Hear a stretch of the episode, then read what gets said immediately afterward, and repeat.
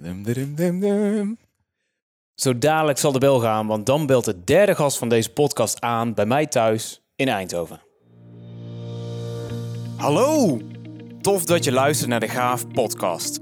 Mijn naam is Rudy van Beurden en in deze podcast interview ik collega's, sprekers en trainers op het snijvlak van de volgende drie thema's: public speaking, personal development en poen en purpose. Waarom? Omdat ik erg benieuwd ben naar hun antwoorden op de hoofdvraag van deze podcast. Hoe fix je een gaaf leven? Dus, ben je ook benieuwd naar antwoorden op deze vraag? Of ben je op zoek naar meer energie in je leven en meer helderheid in je hoofd? Zet je dan schrap, want hier komt een volgende aflevering.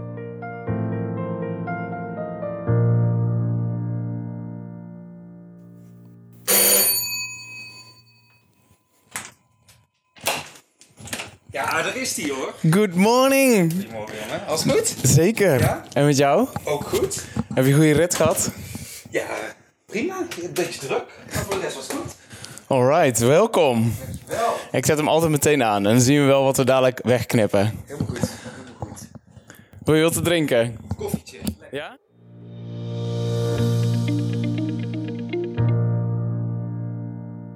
Voor mij, dames en heren, zit Jere Maas, mijn maat. Hoe lang ken ik jou nu al? Ja, Acht of negen jaar of zo? ik zat in de auto te denken, ik denk misschien wel tien jaar, Rudy. Tien jaar al? Ja, ik denk dat we daar naartoe gaan. Want dat het was het einde gewoon- van mijn studie was dat, dat wij elkaar tegenkwamen. Bij de NJR was dat. Ja, en toen... Ik, dat, dat zeg jij altijd. Van ja, toen dacht ik, oh kut, die jongen die, die, en die doet al zoveel en die moet ik dan training geven. En ik dacht alleen maar, holy shit, Rudy van Beurden staat voor de groep. Daar kan ik veel van leren. Dat Wij keken grappig. allebei tegen elkaar op, Ja, inderdaad. dat was heel grappig. En eh, ja, nu kennen we dus elkaar dus al bijna tien jaar, blijkt. Ja. En eh, ja, jij bent wel een beetje een voorbeeld voor mij, Jere. Want jij, Ja, maar jij ook voor mij. En dus ik denk dat dat ook niet veranderd is in tien jaar dat wij tegen elkaar opkijken. Ja, Wie gaat naar wie luisteren en horen in deze podcast? Ik denk dat we dus veel van elkaar kunnen leren. Maar in een notendop, jij opereert vanuit het Tilburgse. yes, zeker. Eh, vanuit eigenlijk verschillende merknamen, toch? Jere Maas, maar ook Presentatie is Ja. een hele bekende. Ja. En je bent een van de co-founders van Presenters Wall. Een ja, dat ook nog. Ja. tool waar Ja. mensen mee kunnen reageren, interactie met het publiek. Want je bent dagvoorzitter en Ja. trainer. Ja, ja, zo is het ooit allemaal begonnen. En toen heel veel geëxperimenteerd met eh, stemkastjes en Twitter fountains en dat soort dingen. Ja, en toen op een gegeven moment gedacht van, nou, ja, daar, daar moet iets beters voor komen. En dat heb ik samen met twee compagnons gemaakt. Dat gaat heel erg goed. We hebben net, maar echt, ik ga dadelijk naar het ministerie om de nieuwe versie te laten zien. Want hij is vorige Vet. week eh, gelanceerd. Dat is een van jullie klanten. Ja, onder andere. Ja, ja, echt heel breed. Dus van ministeries, maar ook eh, het Evoluon hier om de hoek. En eh, van de voetbalclubs en, en alles wat ertussen zit. Eh, maar dat is, wel, ja, dat is wel heel erg leuk. En ik vind juist die combinatie heel erg leuk tussen... en zelf af en toe nog op het podium staan. Dat doe ik niet meer zo heel veel hoor. Ik denk, ja, nou ja, niet meer zo heel veel. één keer per week. Dus toch wel regelmatig. Ja, netjes. En zelf af en toe trainingen geven. eh, in combinatie met echt ondernemen. Want dat is het dan uiteindelijk. Klopt. Ja. ja, Ja, jij hebt een grotere broek aangetrokken. Ja, of een andere broek misschien. ik weet niet per se of die groter is. De bruine broek, dat is een van de metaforen van Remco Klaassen... die Oh, ja? ik in de vorige podcast eh, te gast had. En die zegt juist heel sec over zichzelf... ja, ik ben juist geen ondernemer. Sylvia, mijn PA, die runt mijn business. Dus, ja, want je hebt hem gehoord, hè? Ja, ja, ja zeker. Ja, eh, ben je er zelf nog iets wijzer van geworden? Want jij weet natuurlijk zoveel Nou, al ik, over... ik schrok er een beetje van bij Remco. Dat, Oh. ik, dat ik dacht van, oeh, zo, dan kom je dus op kantoor maandag en dan krijg je het plankje wat hij zei, hè? En da- dan, dan kom je erachter wat je dan die week moet doen. Dat, dat voelde voor mij heel erg alsof je gerund wordt. En eh, voor mij is, is het pad wat ik heb bewandeld na mijn studie, is juist het pad van vrijheid, waarin ik zelf elke week keuzes mag maken wat ik mag en kan gaan doen. Ja. Ehm, en dat vind ik heerlijk. Dat vind ik echt heel erg fijn. Volgens mij heb jij dat ook. Ja, dat, hebben is, ja. echt, dat is een overeenkomst tussen ons. En ik denk dat het ook veel waardevoller is om met elkaar te praten... in plaats van over vorige podcastgasten. Want die Ja. kunnen zich nou helemaal niet meer verweren natuurlijk. Maar Nee. ja, wij zijn eigenlijk allebei vanuit de studiebank eh, gestart. Jij hebt de Tilburg University afgerond. En ik eh, de Technische Universiteit in Eindhoven. Maar ik begon juist met een jaar sabbatical. Toen ik eh, afgestudeerd was, dacht ik... oh, en nou moet ik even tot mezelf komen... en doe ik een jaar lang helemaal niks... En de paar opdrachten die dan op mijn pad komen, die pak ik gewoon aan. En of die nou overdag zijn of in de avond of in de weekenden, dikke prima. Ja. En daar verdien ik gewoon mondjesmaat mee genoeg om Genoeg mee kunnen kamertje te kopen, Ja. te, te wonen. Ja. Ja, ja, precies. Ja. Maar jij, want jij had al een groot plan. Want je Nee, hebt al heel veel uitgeprobeerd, toch? Ja, de- de- ik, ik vergelijk het altijd met eh, een paard waar je op wet. En, en in dat eerste jaar, en daar moet ik mijn ouders echt voor bedanken. Die hebben gezegd in dat eerste jaar, joh, wij sponsoren jouw kamer het eerste jaar. Dus ik, ik hoefde me niet zorgen te maken om geld. Maar ik had wel een bepaald doel. Ik had wel het doel van, oké, aan het einde van dit jaar... dan moet ik wel zicht hebben op een inkomen. Het is leuk, dat hobby. Jij noemt het een sabbatical. Dan is het een heel bewuste keuze om een jaar lang te kijken wat er op je pad komt. Maar voor mij was het een jaar proberen of ik geld kon verdienen als ondernemer, ZZP'er, noem het eh, wat het is. En in dat eerste jaar ja, daar hadden we presentatie bedacht samen met Inge van der Heijden toen. Eh, die ken je ook nog wel. Zeker. Ehm, en we hadden wat opdrachten lopen en als trainer en als dagvoorzitter en bij de NJR wat dingen. Maar dat was, dat was wel beperkt. En daarnaast had ik wat leuke ideeën lopen. Jouw echte indruk was er één daarvan. Dat was een online trainingsplatform. Um, nou, Presenterswall was er daar één van. Het Ideeëncafé volgens mij. Het Ideecafé hebben we nog gedaan. Ja, ja. En ik zie dat altijd als een paar paarden waar je op wet. En um, uh, nou ja, op een gegeven moment ging een van die paarden hard lopen en dan ga je daar goed op zitten. En dan pak je die teugels goed vast en dan gaat dat verder. En toen keek ik op een gegeven moment naar links. Dacht ik, oh, daar gaat er ook één lopen. Dus dan pak je die teugels erbij. Toen ging er één rechts en die pak je er ook bij. Op een gegeven moment loop je met drie paarden en denk je, oh, oh die gaan allemaal wel hard. um, wat dacht je? Ben ik met een circus act bezig? ja, wat zijn we aan het doen hier, joh? Wat zijn we aan het doen hier met z'n allen? Maar dat was wel heel erg leuk. En um, ja, ik, ik heb dat eerste jaar echt wel veel kunnen proeven en veel kunnen uitproberen, veel kunnen doen. En um, ja, ik moet zeggen, dat was een heel erg fijn jaar. En eh, gelukkig na dat jaar dat ik ook zicht had op een inkomen. Vet. Uh, want dan kun je ermee door. Ja. dat, was, dat was wel het doel uiteindelijk. We ja. gaan daar ook eens iets verder inzoomen op hoe je dan überhaupt start en hoe kom ja. je aan je eerste opdrachten. Want via via heb ik van een paar mensen al teruggekregen. Ja, super vet wat jullie doen. Maar ja, ik zit in een baan of ik wil ook iets ja. voor mezelf. Maar waar begin je? Ja. Maar heel praktisch. We zitten Koffie. bij mij thuis. Koffie. Ja, die ga ik even halen. En daarvoor moet de headset heel even af. Dus we zijn zo terug. Yes. En dan ben ik benieuwd naar je antwoord. Dat is goed, Ruud. Tot zo.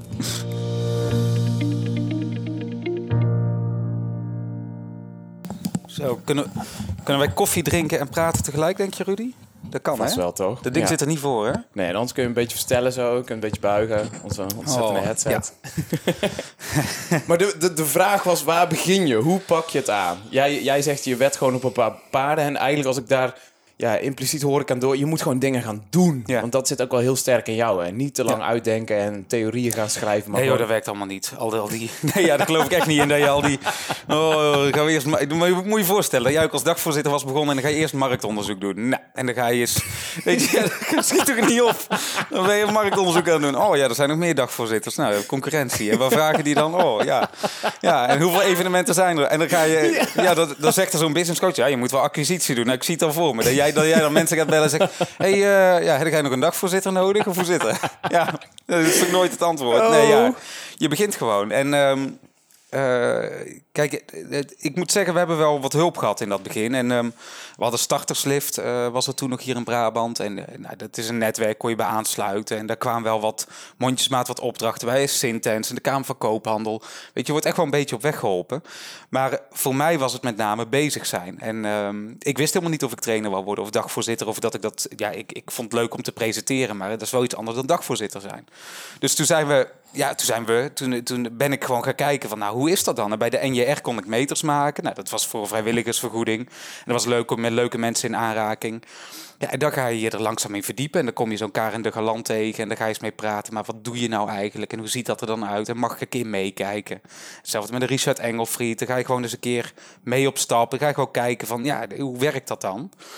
Ja, en op een gegeven moment is er iemand, en in ons geval was dat eh, de directeur van de universiteit, waar wij goed contact mee hadden vanuit het ondernemerschapswereldje, vanuit Starterslift. En die zei, nou ja, ik wil jullie wel betrekken bij mijn visietraject. Want ik vind dat jullie leuke en mooie ideeën hebben. Dat was samen met Inge, hè, waar we het net over hadden. En eh, kun je mij daarbij helpen? En dat was de eerste opdracht. Vet. En eh, ja, dat hebben we toen uitgewerkt. Maar ja, als ik heel eerlijk ben, was dat een soort master thesis mini die ik nog een keer moest doen. Want dat was gewoon een onderzoeksrapport. En wij waren met studenten op een interactieve manier in gesprek gegaan over de universiteit en over het beleid daarvan. Maar ja, uiteindelijk hebben we een onderzoeksrapport geschreven voor die man. En dat was, ja, daar hadden we ook wel door dat dat, dat helemaal niet leuk was. Nee, heel, nee. Daar ben ik vrolijk van. Die gesprekken waren heel leuk. Maar dat, ja, Ja. dat, ja dat, dat onderzoeksrapport schrijven niet. Want dat doe je eigenlijk helemaal niet meer. Want de focus eigenlijk van jouw bedrijven allemaal bij elkaar is eigenlijk interactief presenteren, toch? Ja, ik, eh, mijn vriendin zei het gisteren heel mooi. Die zei, alles wat je doet heeft met verbinding te maken. En eh, dat zit op heel veel vlakken.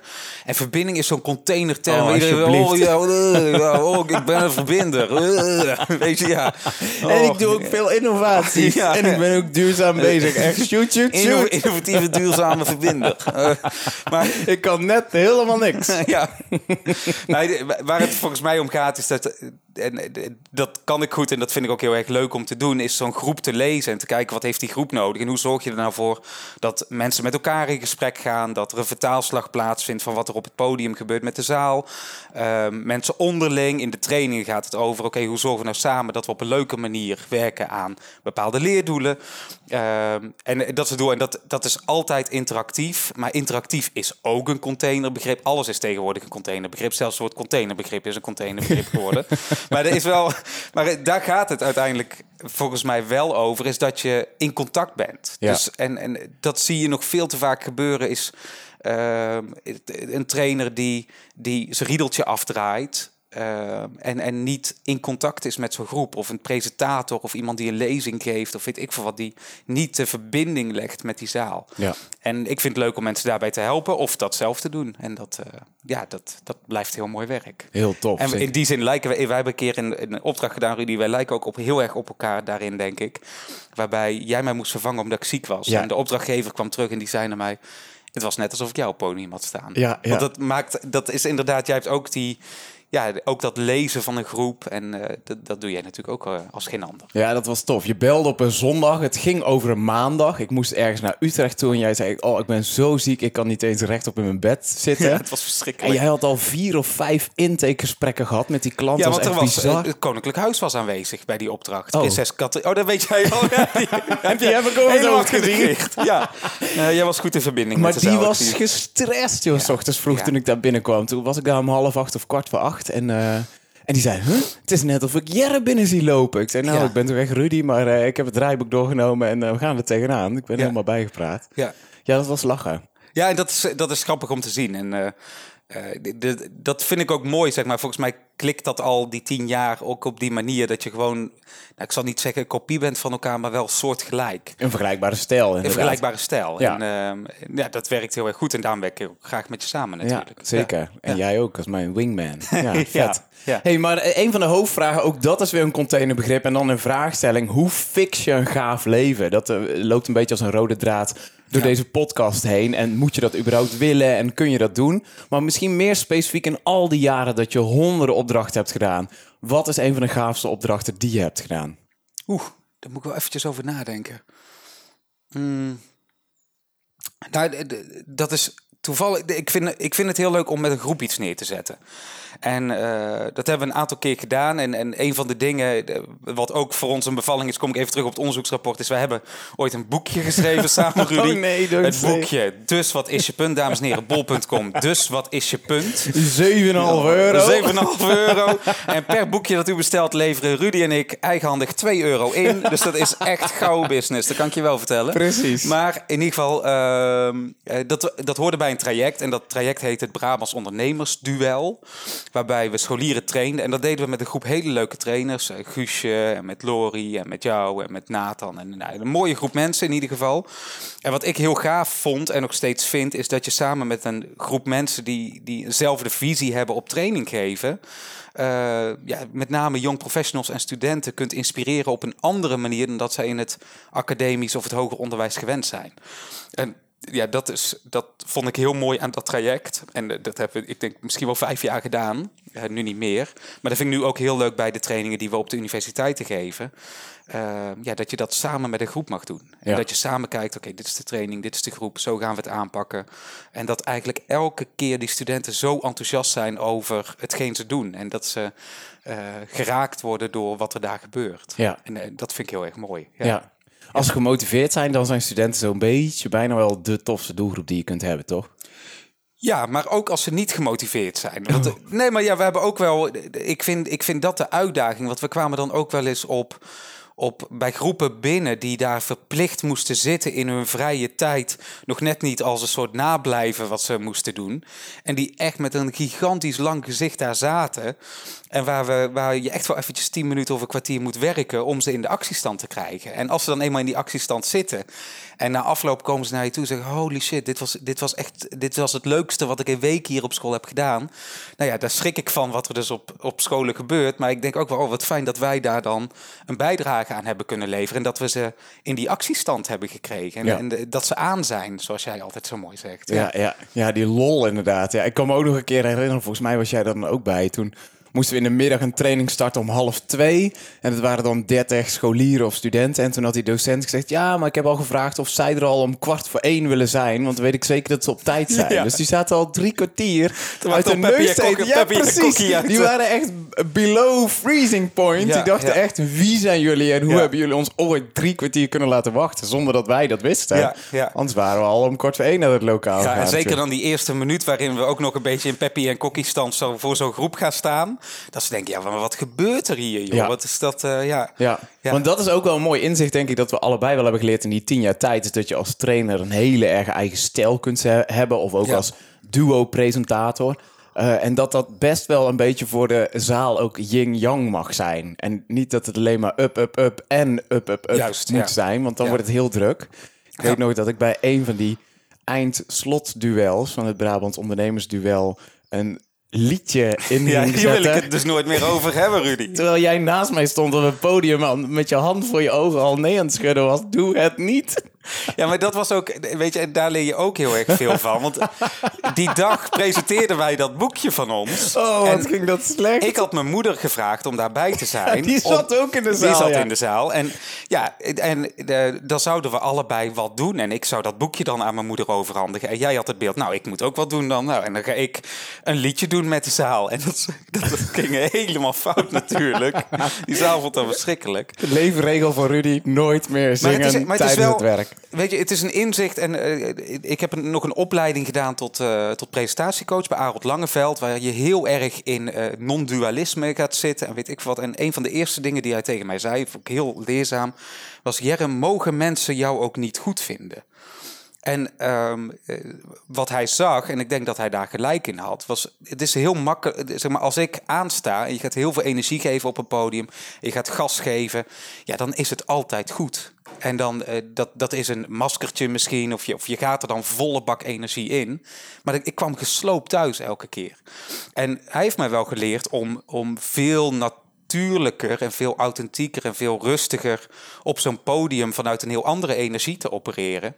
En nog steeds ga ik af en toe aan, omdat ik denk dat zo'n zaal energie nodig heeft. Maar dat gas terug kunnen nemen en gewoon ook eventjes reflecterend op bepaalde dingen en, en in een veel rustigere energie. Dus ik kom nu met veel meer energie thuis van zo'n dag dan dat mijn energie kost. Ja, ja, ja. Ehm, dus ik heb, daar wel, ik heb daar ook wel veel van geleerd. En dat is ook weer een heel andere, ja, een heel andere benadering. Eh, ja, mag, mag, geef je ruimte aan een groep om zich een mening te vormen. Dat je continu gas aan het geven bent, dan zit zo'n groep eigenlijk weggeblazen in zo'n stoel. Net als bij alle special effects in een mooie film. Zit je weggeblazen in de stoel en dan kan je alleen wow, wow, wow, wow.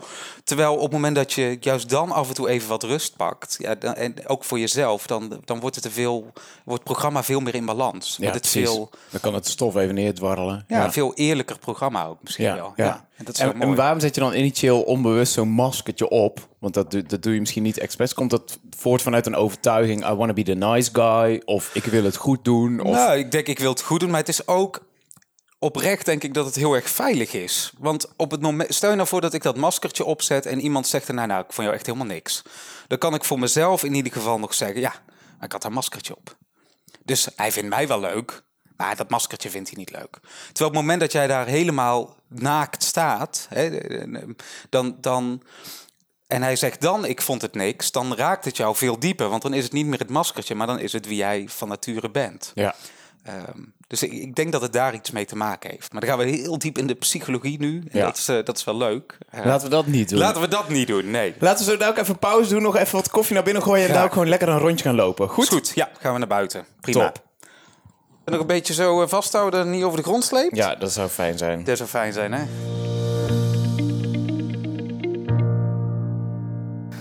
Goed, we zijn inmiddels eh, buiten, Jere. In We de lopen- schitterende wijk waar jij woont. Nou, ontzettend. En laten we wat eh, structuren aanbrengen in het interview. Waar waren we? Want we hebben het over verschillende thema's. En tussendoor zei je net al in de pauze van... hey, misschien is het wel goed om elke gast één centrale vraag te stellen. En daar misschien wel een compilatie van te maken. Welke Ja. vraag zou jij graag gesteld willen krijgen? Ja. is een beetje de rollen omdraaien. Dat is van jouw job? Ik zeg, tegen, ik zeg tegen jou. Misschien is het goed om iedereen een goede vraag te stellen. En zeggen welke vraag moet ik dan stellen. Oh man. Ja. Toch eh, is dat wel een truc, even tussendoor, of een truc of een, eh een geste. Ja, Techniek. precies. Als spreker en trainer, dat als je even helemaal vastloopt en het gewoon niet meer weet in een trainingsgroep, Ja, wat vinden jullie hiervan? ja, tuurlijk. Hoe zouden jullie dit oplossen? En eh, ja, niet per se om eronder uit te komen, maar ook gewoon om hen aan het werk te zetten. Waar, waar wil je naartoe lopen? Zo hier zo en dan ja, een blokje ja, ja, om zo. perfect. Prima. Ja, terug naar jou. Ja, terug naar mij. Ja, ik heb, ben niet per se bezig met een evangelie te verkondigen en dit moet iedereen weten over mij. Mhm. Het enige waar ik, als ik dan al een boodschap zou moeten hebben, dan spreek ik mezelf een beetje tegen, is dat ik het fijn zou vinden als mensen iets meer delen met elkaar. Ja. En dat gaat, niet alleen, dat gaat ook over ideeën en zo, en over feedback en over eh, met elkaar aan de slag. Hey, een goede vriend van mij woont hier ergens. Oh, grappig. Gaan we zo eens even kijken of hij thuis is. Ja. ja, want dat is wel eigenlijk een hele sterke boodschap die jij ook verkondigt bij startende ondernemers vaak. Ja. Die je ook heel vaak hebt begeleid in allerlei verschillende sessies. Dat sommigen gewoon eh, jarenlang met een plan en patentideeën rondlopen. Ja, zonder het... hetzelfde, dat marktonderzoek ding. Hè? Maar, Ja. alle- maar allemaal dat, dat intellectueel eigendom en patenten. En het is allemaal zo gefocust op meer, meer, meer. En ik wil dit en dit en dit. En ehm, weet je, dat, voor, voor mij boeit dat allemaal niet zo. Je wil gewoon samen toffe dingen doen. Mhm. En ehm, eh, ja, daar was dat ideecafé waar we het net heel kort over hadden. Ja, Eh, dat was lachen zeg. ja, er waren leuke dingen, maar, dat was voor, dat, maar het was met name heel erg leuk omdat iedereen daar in een helpmodus zat. Ja, En je met elkaar wil kijken, oké, iemand heeft dit idee, hoe kunnen we die persoon nou een stapje verder helpen? Maar dat kan alleen als, als degene die het idee inbrengt ook ervoor open staat om alles bloot te geven. ja. En niet eh, eh, met een non-disclosure agreement eerst aan de slag gaat om iedereen te zeggen van jij mag, eh, jij mag niks met mijn idee doen hierna. Ja, precies. Dus dat was echt in een allemaal kroegzettingen in Tilburg. En jij hebt ik weet niet hoeveel blaadjes bier gesponsord. Ja. En mensen kwamen binnen en die werden gewoon gegroepeerd rondom een bepaalde pitcher. Ja, iemand die een thema, idee had. En dan eh gingen ze elkaar helpen. Ja, ja, dat was heel leuk. Oké, maar als je dan geen boodschap hebt, ik denk wel dat, dat mensen heel veel dingen van jou kunnen leren en inzichten kunnen opsteken. Ja. Eh, wat ik al de afgelopen jaren ook al heb gedaan van jou. Ehm, al ging het al maar over tarieven. Ik weet nog een keer dat wij samen in de auto zaten.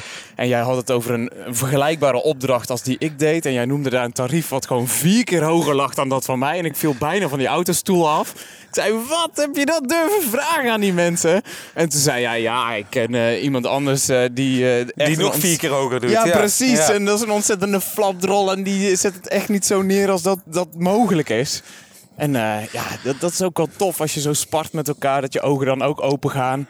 En eh, een beetje van elkaar kunt afkijken. Ja, maar het, ga- het gaat volgens mij ook niet. Kijk, die tarieven, dat is altijd. We doen daar allemaal heel geheimzinnig over en zo. Eh, en wat is nou iets waard? Hè? Laten we eerlijk zijn. Op het moment dat ik op het podium sta, is dat nou 100 euro of 1000 euro waard? Ja, dat, dat, dat blijft heel moeilijk te vatten. Ehm, en eh, ja, het is ook. Weet je, voor mij maakt uiteindelijk. ehm, eh, maakt het niet zo heel veel uit. En jij, jij noemde het poen en purpose, hè? Eh, Heb je Ja. in je stuk zitten. Precies. Ja, uiteindelijk op het moment dat je op dat punt komt dat je genoeg verdient om je rekeningen te betalen, dan maakt voor mij poen niet zo heel veel meer uit. Nee, dus het is een pa- bepaald drempelbedrag. Ja, precies. En alles daarboven is leuk, maar niet per se noodzakelijk. Nee, en, en dat is dan ook, dus dan kun je ook, ehm, eh, weet je, het studententarief is anders dan het, eh, dan het, eh, het tarief voor een grote multinational. Ja. Ja, precies. Prijsprofielen. ja, daar kun je gewoon een beetje mee spelen. En ik, ik denk wel dat, dat het goed is om een beetje te weten wat, wat de rest van de markt doet qua tarieven. Maar ja, ik vind het allemaal niet zo.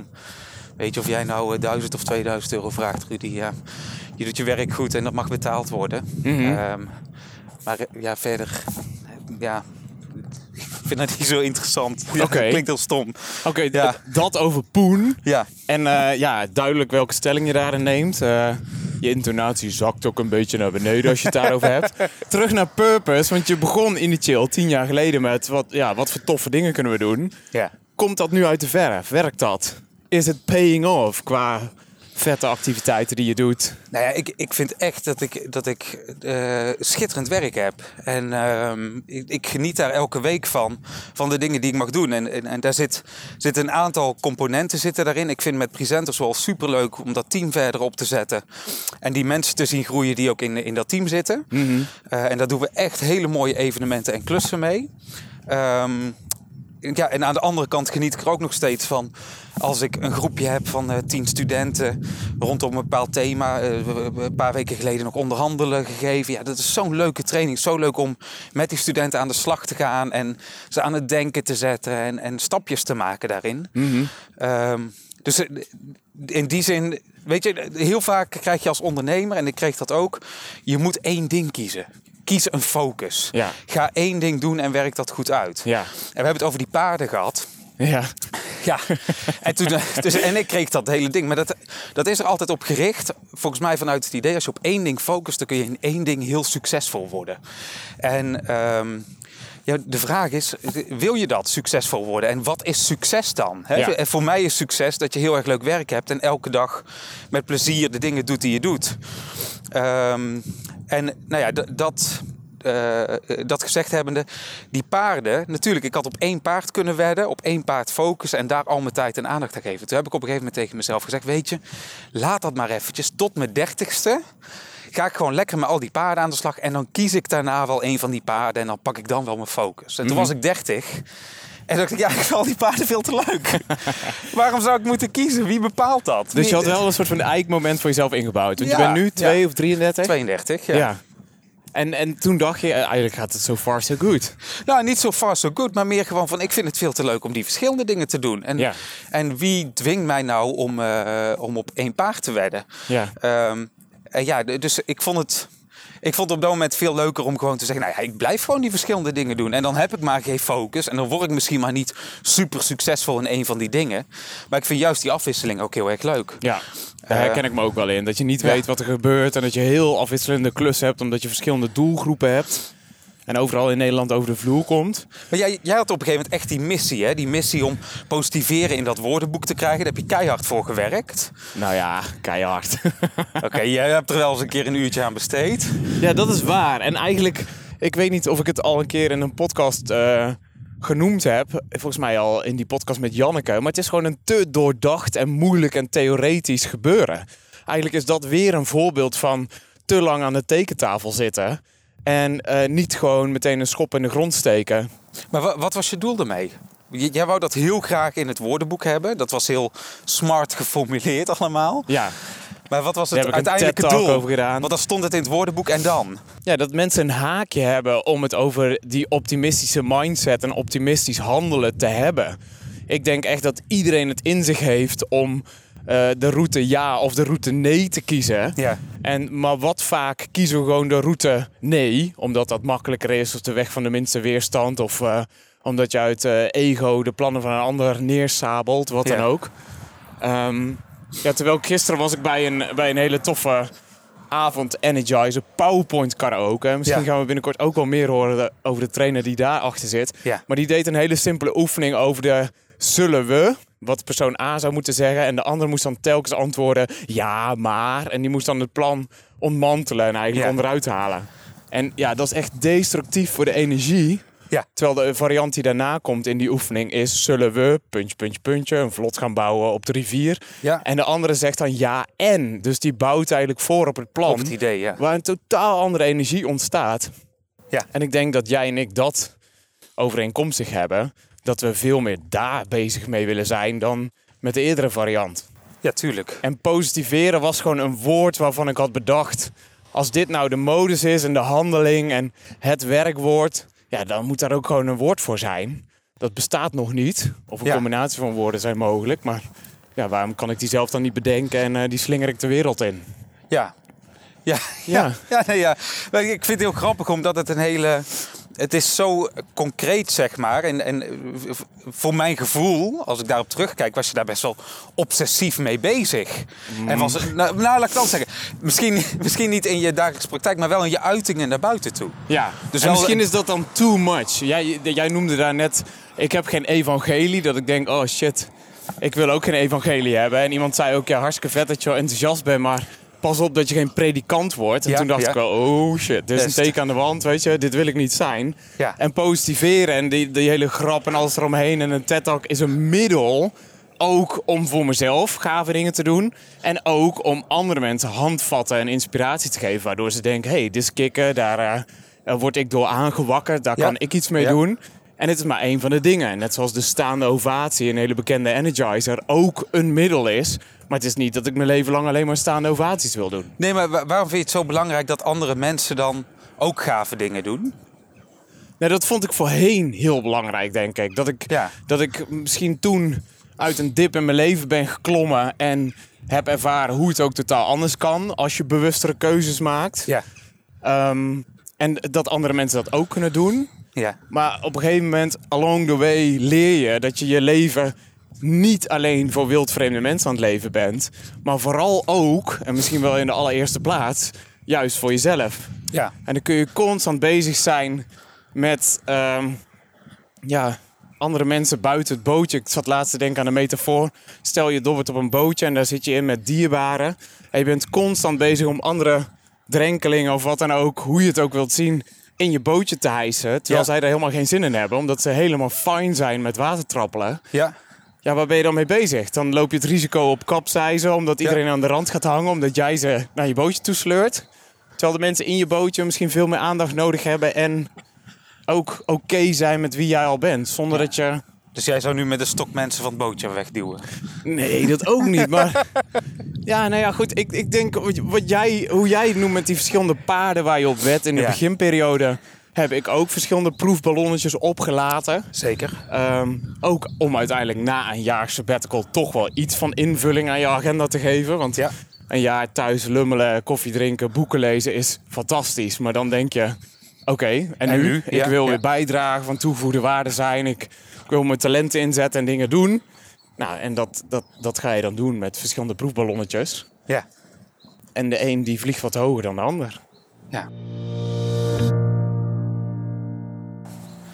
Dames en heren, dit was mijn interview met Rudy van Beurden. Volgende week in de podcast. We hebben nog even, Jere. ja, heel goed. Waar wil je het over hebben? Ja, dat, toch wel dat gaaf leven. Oké, Heb je dat? ik heb een super gaaf leven. Wat maakt het gaaf? Vrijheid. Ja? Ja, absoluut. Want je doet de, eh, vette klussen, maar daarnaast heb je ook voldoende vrij? Of... Nou, nee, vrij, vrij, vrij in de zin van eh, eigen tijd hebben gaat het mij nog ineens om. Maar het feit dat je eh, keuzevrijheid hebt. Ik denk dat dat misschien het mooiste is. Dat je elke dag mag bepalen, oh ja, dit ga ik vandaag doen, dit ga ik morgen doen. Dit ga ik deze week doen. Eh, de vrijheid om, om, om op het moment dat er een vriend of vriendin hulp nodig heeft, je spullen neer te leggen en, eh, en daar eh, naartoe te gaan. Ehm, ik denk dat dat heel erg mooi is. Ja, dat je niet hoeft te wachten tot het moment komt dat je uit mag klokken. Precies, precies. En ehm, kijk, eh, natuurlijk, eh, zeg maar, met, met ehm, de collega's die ik heb op het werk komt ook verantwoordelijkheid. En verantwoordelijkheid lever je in die zin wel een stukje vrijheid voor in. Ehm, maar ik vind het heel erg fijn om, eh, om in ieder geval zelf de keuzes te kunnen maken waar ik mijn aandacht en tijd aan besteed. Ja, En eh, ik denk dat dat voor mij het belangrijkste is van een gaaf leven. Voor de rest heb ik, ja, weet je, het, het, het is gewoon goed. Het is gewoon, eh, het is gewoon, ik ben een tevreden man. ja. Ja, ik heb niet heel veel wensen. Zijn de wensen kleiner geworden naarmate je wat ouder bent geworden? Ja, misschien anders. Ehm, niet per se kleiner, maar ik denk wel dat, het, dat je andere dingen gaat waarderen door de jaren heen. Zoals? Nou, ik kan heel, ik, ja, ik kan heel erg genieten van, eh, van een goed boek met een glas whisky en een sigaartje bij een kampvuurtje. En dat, ja, Zo, dat is... eh, maar is dat je heeft wel loop. Ja, ja oké, ik had misschien moeten zeggen van een goed boek, punt. Ja, ja, ja. Nee, helemaal goed. Nou, ik heb wel even vier dingen bij elkaar gedaan. Ja, maar, maar, ja. Ja. maar dat is inderdaad eh, voor mij voldoende. En ik denk dat ik vroeger meer op zoek was naar... oh ja, maar eh, er is nu dit vette festival... en oh, daar is een lezing waar ik naartoe kan... en eh, oh, die band komt spelen. FOMO, fear of missing ja, out. Ja, heel erg. Kijk, ja, je hebt nu dat nieuwe, hè? JOMO, ken je dat? Dat is nee. de joy of missing out. Ah, is oké, dat. Ja. En Daar Ik- blij om zijn, dat je er lekker niet bij was. Nou, niet dat je er lekker niet bij was, maar, maar dat, je, dat je ervoor kiest. Of dat je ondertussen weet waar je waar je oplaadt. Ik, ik, ik sprak laatst iemand en die zei dat heel erg mooi. Ehm, je moet erachter komen wat je energie geeft. En net als als je telefoon leeg is, Ja. je telefoon leg je niet weg om op te laden. Nee, die stop je in een oplader. En als jij weet wat jou oplaadt, wat Ja. jou weer energie geeft. En voor mij kan dat inderdaad na een drukke dag met allerlei meetings, kan dat gewoon een goed boek zijn. Ja. En dan, dan, dan heb ik even een half uurtje of een uurtje om dat boek te lezen. En dan, kan, dan, ja, dan, heb ik weer, dan ben ik er weer klaar voor. Ja, dat is de connectie met je eigen batterij, zoals Remco Ja, letterlijk precies, vertelt in de vorige podcast. En naast opladen ook weten waar je knijtergrote energielekken zitten. Want je kunt blijven opladen, maar als je ontzettende allergie hebt in een ding dat je moet doen, of een Ja, persoon met ja. wie je samenwerkt, of in een omstandigheid waarin je Precies. je bevindt, dan kun je blijven opladen. Ja. Maar ja, dan ben je binnen no time weer eh, terug bij af en accu leeg. Ja, wa- wat is voor jou zo'n oplader? Voor mij is dat dus een boek lezen. Wat is dat voor jou?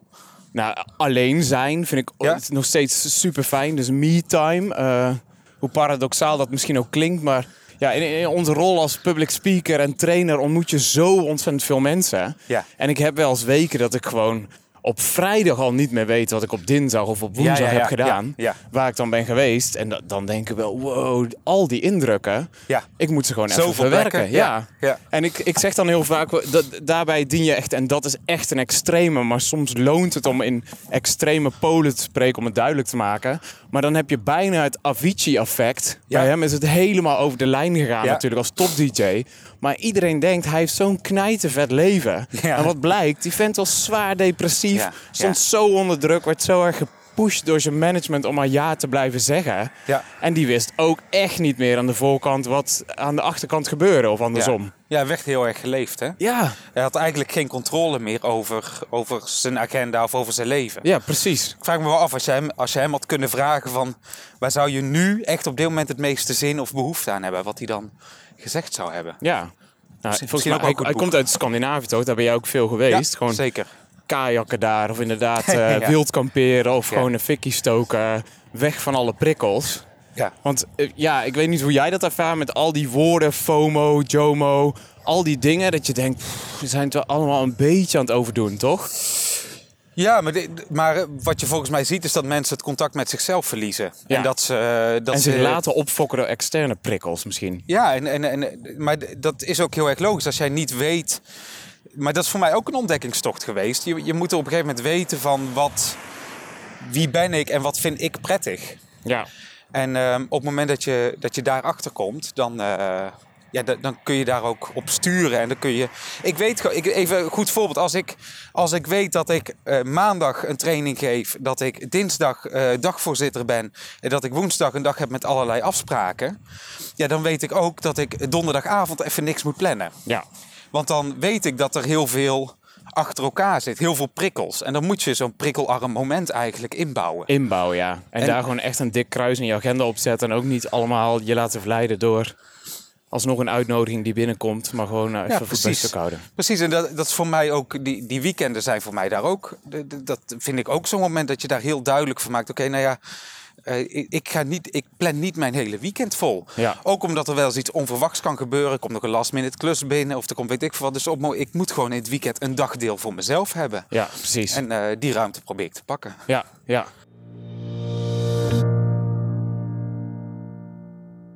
Je vraag eh, kwam uit, de, uit het trainerstukje. ja, precies. Of je in de praktijk daar misschien ook inzichten hebt opgedaan die wel in lijn liggen juist met die theorie die je hebt gestudeerd. Of Nou ja, eerder andersom. Ik, ik, althans, ik, ik denk dat ehm, wat ik heel, heel.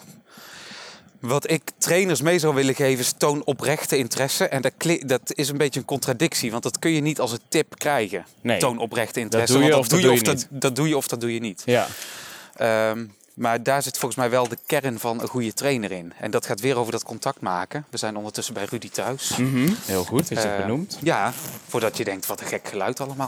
Nee, maar die oprechte interesse in de ander, daar zit volgens mij de, de kracht van een goede trainer in. Mhm. En daar zit ook de kracht, eh oh, oh, allemaal drama, oh, we gaan weer zitten, oh, koffie, lekker. Ehm, dus ja, ik, ik, ik denk dat dat... En dat is ook iets wat ik als in, in privé vaak doe. Mhm. Ehm, waarbij ik ondertussen ook wel leer dat dat af en toe too much kan zijn. Dus, en daarmee bedoel ik... ehm, je kan niet... Ja, je kan wel altijd oprecht geïnteresseerd zijn. Dat is wel iets wie ik ben en wat ik doe. Mhm. Ehm, maar je mag ook af en toe zelf ruimte innemen. Ja, En daarmee bedoel ik, is, ja, zeker ook met een achtergrond in de psychologie, ehm, gaat het vaak over de ander. ja. En ik vind dat heel leuk en interessant, maar wat ik geleerd heb, is dat, dat waar ik zelf tegenaan loop, er ook mag zijn. zeker. En dat, eh, nou, dat, ja, dat is iets wat ik wel een mooi inzicht vind Ja. van de afgelopen tijd. Ja, Dus eigenlijk bijna hetzelfde als een smartphone. Je hoeft niet altijd aan te staan voor de ander. ja. Heel af en toe is er ook gewoon een momentje voor jezelf. ja precies. Ja, Ook met een ander. Ja. Mooi. gezellig. Zeker. Koffie!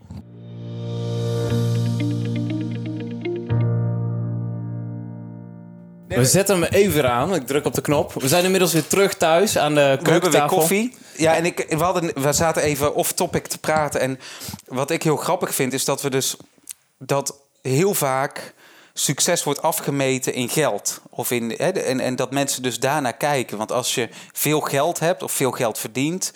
dan ben je succesvol.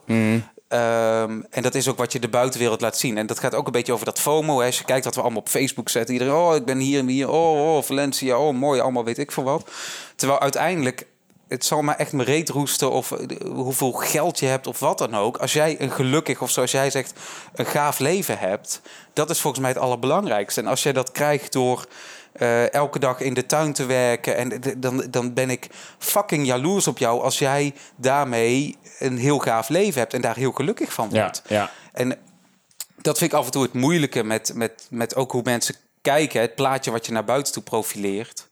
Eh, ja, dan, dan wordt er soms gekeken, oh ja, nou, dat bedrijf loopt heel erg goed. Oh, nou, dan zal die heel succesvol, zal die wel veel geld hebben, weet ik veel dat is allemaal niet relevant. En eh, laat dat buiten kijf staan dat ik, dat ik goed kan rondkomen van hetgeen ik doe. En daar ben ik heel erg blij mee.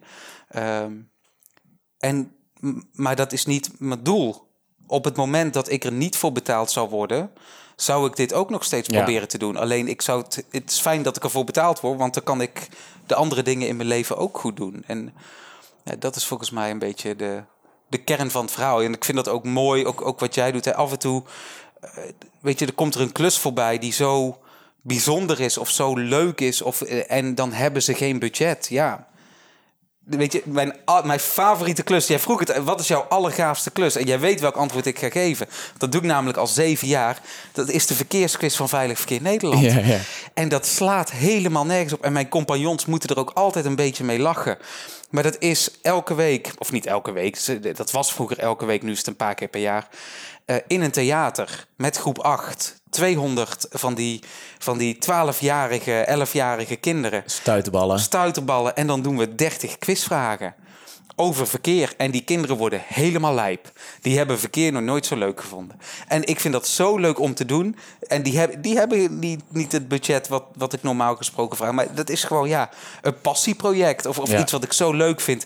En dan komt mijn moeder kijken of dan komt mijn vriendin kijken. En die zien dat ook. Ja, daar geniet ik intens van. Dat is zo leuk om te doen. En eh, eh, ik heb wel eens gezegd, op het moment dat, dat Veilig Verkeer Nederland tegen me zegt... Jerre, we hebben een contract voor jou. Jij krijgt eh 20.000 euro per jaar en dan kun je elke, elke dag kun je een verkeersquiz doen. Ja, waar kan ik tekenen? Dan meen ik oprecht. dan meen ik oprecht. Waar kan ik tekenen? Dat lijkt me zo leuk. Precies. Ja, ik, de, de- en de- volgens mij moet dat het ding zijn. Is dat, is dat je de dingen doet waar je, waar je energie van krijgt. Wat je leuk vindt om te doen. En ja, dat, dat is het allerbelangrijkste. Vet.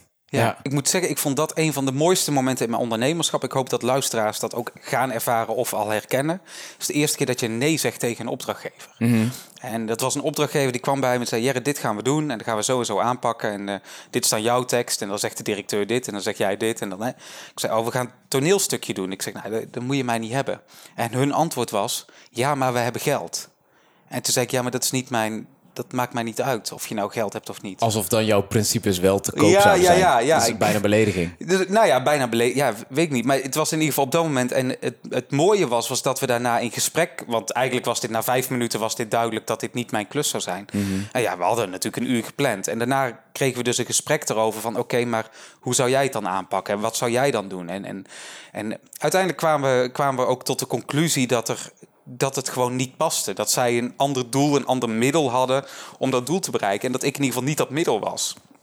Dan verwijs ik ze door naar iemand die dat wel leuk vindt om te doen. Of die, of die, en, en, eh, eh, maar dat gaf wel een heel mooi gevoel van... oké, dit past niet bij me. Dit doe ik niet. Ja. Dit is, en eh, dat is een heel prettig gevoel.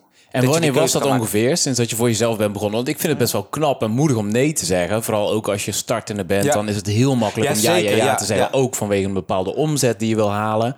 Ja, nou Maar- ja, en, je moet ook gewoon je rekeningen betalen. Dus ik denk dat dit in jaar, jaar drie was dat die opdracht voorbij kwam. Oké, al best wel vlot eigenlijk. Ja, best wel vlot. En ehm, ik, ik doe nu net alsof ik de luxe had om nee te zeggen tegen dat geld.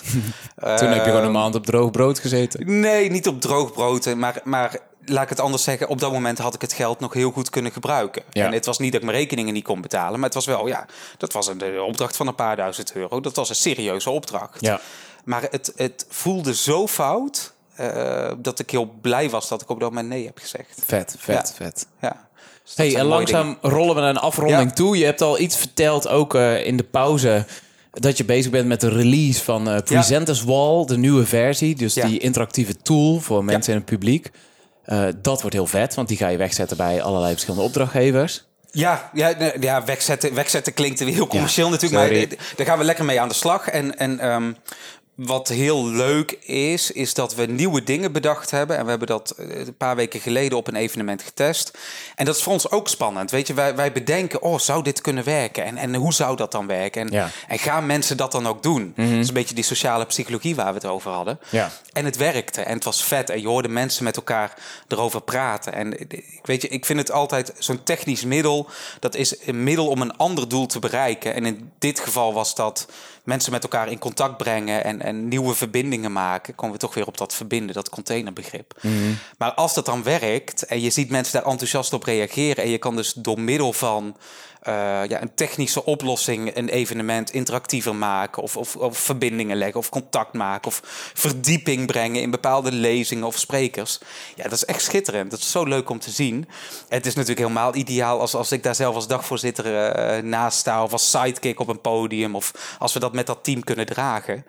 En dat vind ik ook een van de allerleukste dingen in mijn werk is dat blanco canvas, wat jij eigenlijk net zegt, is een evenement wat bij ons komt zegt: jongens, we hebben een evenement, dit willen we bereiken. Kunnen jullie meedenken hoe jullie technische oplossingen daaraan bij kunnen dragen? Ja. Ja, dat is geweldig. Ja. Hey, waar kunnen mensen jou opzoeken als ze helemaal enthousiast zijn geraakt? En ze denken, hey, die gast uit Tilburg die kan ook van meerwaarde zijn voor ons. Ja, nou ja eh, eh, LinkedIn is, is denk ik het makkelijkste medium. En als je meer, je, hebt eh, mijn website jeremaas.nl, daar kun je nog wat lezen over eh, wie ik ben en wat ik doe. Hij is al tijden niet bijgewerkt. Ehm, eh, als je luistert en je denkt, joh, ik zou gewoon eens een keer een kop koffie willen drinken. Of ik zou eens, eh, weet je, ik ben beginnend trainer of beginnend dagvoorzitter of vergevorderd dagvoorzitter, maakt me niet uit. Ik vind het gewoon heel leuk om, eh, om net als wat ik net ook tegen jou zei, wat ik het mooie vind van dit is geen interview, dit is een gesprek. Het mooie van een gesprek is, is, is dat je samen inzichten opdoet. En dat heb ik ook, eh, ja, dat vind ik leuk om, om samen met mensen te hebben. Dus eh, die uitnodiging staat sowieso. Je bent van harte welkom altijd. Helemaal goed. Ja, mooi. Dankjewel, maat. Dankjewel, Rudy.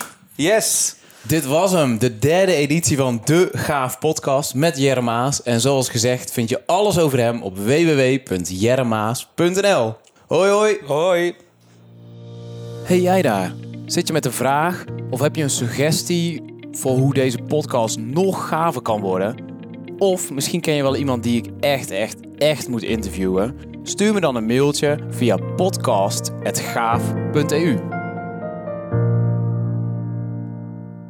En zijn er podcasts die je zelf beluistert als luisteraar? Ja, maar echt hele. Je moet eigenlijk. ehm, eh, hoe heet die nou? De verwarde cavia. Oké. Heel leuk, van Paulien Cornelissen is die. Dat is echt goud. Dat is echt heerlijk. Dat is, ja, dat dat is heel grappig. En eh, je hebt de technoloog, vind ik leuk om wel eens te luisteren. Dat gaat meer over eh, technische dingen allemaal.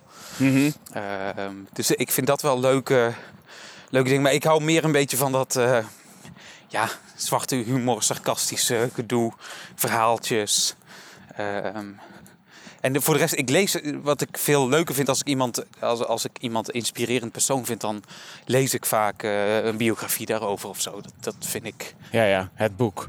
Het boek, ja. Ja, Ja, want dat is mijn, mijn lader. ja zeker. Ik vind, ik vind het ook heel moeilijk om mijn aandacht erbij te houden bij podcasts. Ja. Ja, ik ga dan toch ook iets anders zitten doen. En dan denk ik, waar heeft hij het nou weer over? En dan dat. Terwijl in een boek kan ik me verliezen. In een podcast kan ik me vaak niet verliezen. Oké, oké.